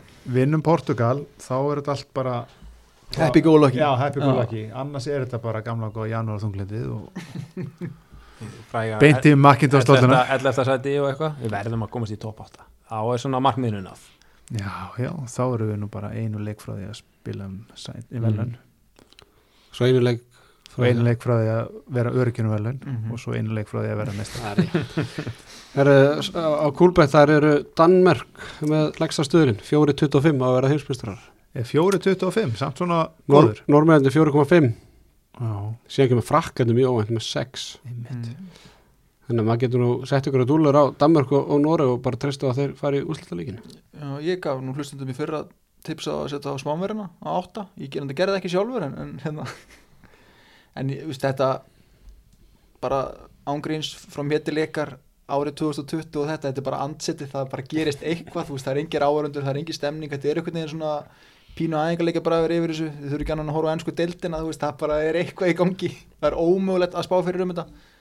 Já, það En- er það sko, vanta mikið að leikmunum þannig að þetta er alveg, þú veist, þetta er hans öðruvísi mót heldur en við verið. Já, ég, er Gaman að ekki sjá alveg, hvað friði gerir Já. þjóðverðina ég er ekki alveg já, þeir hafa litið ákveðlega út í undirbúning núna pökkuðu Östuríki saman í gær en hérna, maður þarf eiginlega bara að skoða hvort að Danir og, og Normen geti mæst áður en að jústæðleikin kemur sko. það er alveg svolítið skoða hvernig brakketi Já, er já, sko. já, það, Já. já, já, þurfum að skoða það eitthvað betur já, við skulum vera tilbúinir ja, á fimmtudaginn Nei, við hendum þessu Twitter við skulum vera búin að kynna okkur þetta aðeins Hérna, alltaf gaman að skoða svona stöðlana fyrir hérna, fyrir mót Alltaf besta asíska lið það er 1.38 á Katar Egyptalandi með 1.16 eða ekki? 1.16 á besta afríska lið hvað er hérna Suður, Suður Amerika, það er 1.60 á Argentína Ég ætla ekki að segja Suður-Amerika og Bandaríkin Nei, nei, nei, nei, Suður Amerika það er, það Argentína og, svo, og Brasilia finna þetta hérna hvað fær Íslandi í stuðul? það er sko best Scandinavian það er Ísland með 35 Í stuðul? 80 að vinna mótið Það segir kannski allt sem segja þarf hvar við erum dönum Erum við undir svíum með það? Þú veist, eru svíðin frá okkur? Það vantar einhvern haugið þá eða ekki? og 15 og 7, 35 Já. okkur Ok. Já, Það er svona hett og hett við svíja herðu hérna Já, ég held að það sé nú ekki Ísland tournament hérna, markaðastur Hver er markaðastur í Íslandska landsliðinu? Bjarki Már. Bjarki, Már, Bjarki, Já, ok, Bjarki 225 er hann Er, bú- er búið að taka vítin af Adda? eða? Hvað haldið þið? Við erum nú svo marga góða skýttum Ómar fór, fór á vítalínuna Já. í síðasta leik sko. Viggo tekur fyrir sitt lið Hvað- Bjarki tekur sýldið Ar- Addi Malli 5, Elvari 5 Viggo 10 Já, Já, ég myndi ekki setja hægri skýttu í þetta. Ég held að besta betti sé nú bara okkar allra besti sem spilar maður með, 60 mínútur. með hausbandið sko. Það er aðteglisvert að Magnús Óli er með lærri stöðulega Gísli Þorgi Kristjánsson. Ég markaðistur Já, Já, Það er mjög aðteglisverð Þetta, þetta er svolítið stendur kannski er þetta eitthvað info eitthvað sem að eistandur eru með. Þetta stendur svolítið að fellu með því hver hvort að Bjarki fá að spila móti Marako Hann geti tryggt sér titilinn ef hann fær 60 mínútur á móti þeim. Já, Hvað verður svona, hvað verður finnasta liðið á mótinu? Fyndnasta? Já Finnastu búningunum, ertu búin að kanna þetta eitthvað hjá við? Nei, ekki alveg sko Ég sá að Kongo er það ekki já. Er ekki það ekki fassa? Hvítrúsar voru alltaf í finnastu búning Það var eins og einhver hefði saumað bara einhverjum bílskúr sko. Gardinunar heima Það Já, er ofta aðteglisverð að skoða eða svo horfa á sig afrísku leit en alltaf allt ann- annar handbolti sem, sem er spilaðar þar en það er búin að vera ykkur uppseflað það líka sko en, en það er alltaf held ég að styttast aðeins spilið á milli en þetta er, það er aldrei langt í land samt Bandaríkinu með hæsta stöðun að vinna á mótið já, ég held að það verður rosalega tilsvert að sjá Menni voru þeir ekki að spila 10.000. æfingarleik á móti Væle eða eitthvað sko 33-31 á móti dönsku bjöldaldalið eða eitthvað í undirbúning sko. Já, þeir, ég get lofað að því að þeir eru svakalegir íþróttamenn í bandarinskaliði Þeir eru flottir. En þeir kunnur ekki mikið í handbólta Þeir voru nú nokkur þarna fyrir um köruboltamenn sem voru eitthvað að tjá sig um þetta manni fyrir af svona einhver á, ári síðan að þetta, þetta getur nú ekki verið erfitt að við myndum fá Lebrón og einhverja mennan þinn Já, já, byrja það. Já, byrja það bíó maður, gangið bara vel með það þetta verður bara, veist auðvitað margir leikirna sem verða algjörst bíó sko. ég hugsa, ég hugsa ég bara ég eftir að vakna og horfa á fósettabeggarinn sko, alveg, Er það ekki? jú, ég Hvernig er tímamismunur hana? grænhöða eða gegn Kongo Þetta er bara Er tími fín í tíma? jú, jú, því að þeir séu bara er einhvern tímar. 2-3 tímar Já. á milli. Ég held að þetta sé bara eitthvað 6 og hálf 8 eða 5 og hálf 8 eða eitthvað sko. þetta er ekkert eins og í kóru hérna í gamla daga Já, já, líka leðilt ef að þetta er svona klukkan eitt á, á Þú leiktíma ert í fæðingról Já, ég er ekki er hugsa fyrir almenning. Sót svart almóa sko. Hálf 5 og 7 hérna. Það er flott í tíma. Það er fínt. Og við erum Hálf sjö tíu. á móti Portugal Ég veit náttúrulega ekki á hvað tíma hvort þetta sé okkar tími eða ekki sko. Nei, En já, ég held að þetta sé hálf 10 Þannig að á fyrsti leikur hafði bara strax Egyptur Chile í Cairo Stadium. Já. Stappfullum Kæra Stadium. Gott sem, já, ekki, ekki alveg. Jói, þú varst það var ekki, 84 landslið fór ekki til Egyptana sagðirðu? Það? Nei, Nei, það var 88 Já, maður er heilt góða sögurna þaðan. Þannig að það verður örgulega bara gaman hjá strákurum í, í búblunni í Egyptalandi og leiðilegt að fá ekki að skoða píramítana já, það er ákveðum og brið Það er, hlýtur að koma ferð eftir þessa ferð. Herðu, við í handkastinu við ætlum að eh, fjalla eins og vel og við getum um HM í handkastinu. Við ætlum að vera með þátt næsta 50 dag eftir Portugalsleikin já, þar koma tveir miklir handbólta sérfræðingar já, einn er eigandi liðs í grillinu. Já, Eitt Plöter og, og Hjálmar Örn Jóhansson Akkur lærðu þú Jói? Þú ert ekki eini sérfræðingur sem Nei, nei, ég er bara skemmtilegi menn bæði. Og síðan alltaf Steve Daskra og mæta hérna eftir viku. Já, að gera upp riðilinn. gera breyðilinn á, á sinn einstaka móta þannig að við, við bara vonum að fólk fari í búðina, vesli sér skruf já, við verðum- tróði vel í vörun á sér Já, efri og neðri. Við verðum með leik, eða eitthvað leiki hérna þið fylgist bara með, með á Facebook síðunni og, og, og Twitter. Verður endur að vera 18 plus til að taka þátt. Já, já, það er bara, þannig að þau eru komið skilur ekki við þessi vinni það er bara fínt. Hmm. Úlingurinn er ekki á Twitter sko. Eða voru að tala um Facebook eða? Er Já. ekki heldur á Facebook? Hann á TikTok og, TikTok og Instagram. og, hérna, og hínu þarna OnlyFans, Já, þetta er allir létti bara. bestu, bestu er loka ára allar tíma. Hvað er það? ánaðar að elsti maðurinn sé alveg með það á reynu hvað það er. Herðu, við hérna bara þökkum ykkur kærlega fyrir komuna. Ég held ég sé ekki að gleyma neinu. Stum er ég að gleyma ykkur? Nei, ég held ekki. Ég held að, þú veist bara Jú, verður ekki að fá spá. Portugal, Ísland, fymtdæðin Hvað tölur bara? Nei, viðspána Nei, meina, tákn eða tölur. Já, bara tákn, leikur á tölum. Já, við vinnum þann leik. Það það var 28-27 Óskikja Já, mikið Ég, hérna, bara því miður þá held ég að við töfum þessu leik með 34 mörgum Ég er því miður sammála Benna en auðvitað sjálfsögðu vonum að ég við vinnum en ég held að þú veist eins og segja, þessi, þessi leiki gá ekki rétt að mynda þessu. Ég held að bara líkanlegu styrku þeirra bara séu mikill fyrir okkur að þessu sinni en, en ég vonandi og ég er sko gladur í þetta svokminn hérna á 15. kvöldið með hjá og, og agli. Fram að þessu tanki þarna á ásöldum þeir byrjaði að tanka leikin Ég, bara, sjálf, já. ég sjálf að sé jafn mikið mun á tveimur handbóltalegin þeir voru bara að pakka okkur saman sko, áttu ekki breyka Já. mótið þeim. En og þeir eru besta manni sinni inni sko. Já, Ég ætla, ég ætla að tala, ég ætla að taka þetta Ég ætla að vera sammála Jóa, við vinnum En það er bara að þetta er fyrstileikur stórmóti Og okkur bara hefur liðið vel. Já, Fyrstu við erum með nógu efni um Portugalina Já, ég get eiginlega lofaði því að hann er, að, hann er búin að liggja meiri yfir þessu heldur en Portugalin þarna, þessi, þetta söðunauð þarna Og- það er vel já, þreyttin á já, ekki sko. váka maður, já eins og bara má, Ég ætla að breyta þessu, við vinnum þetta með einu marki.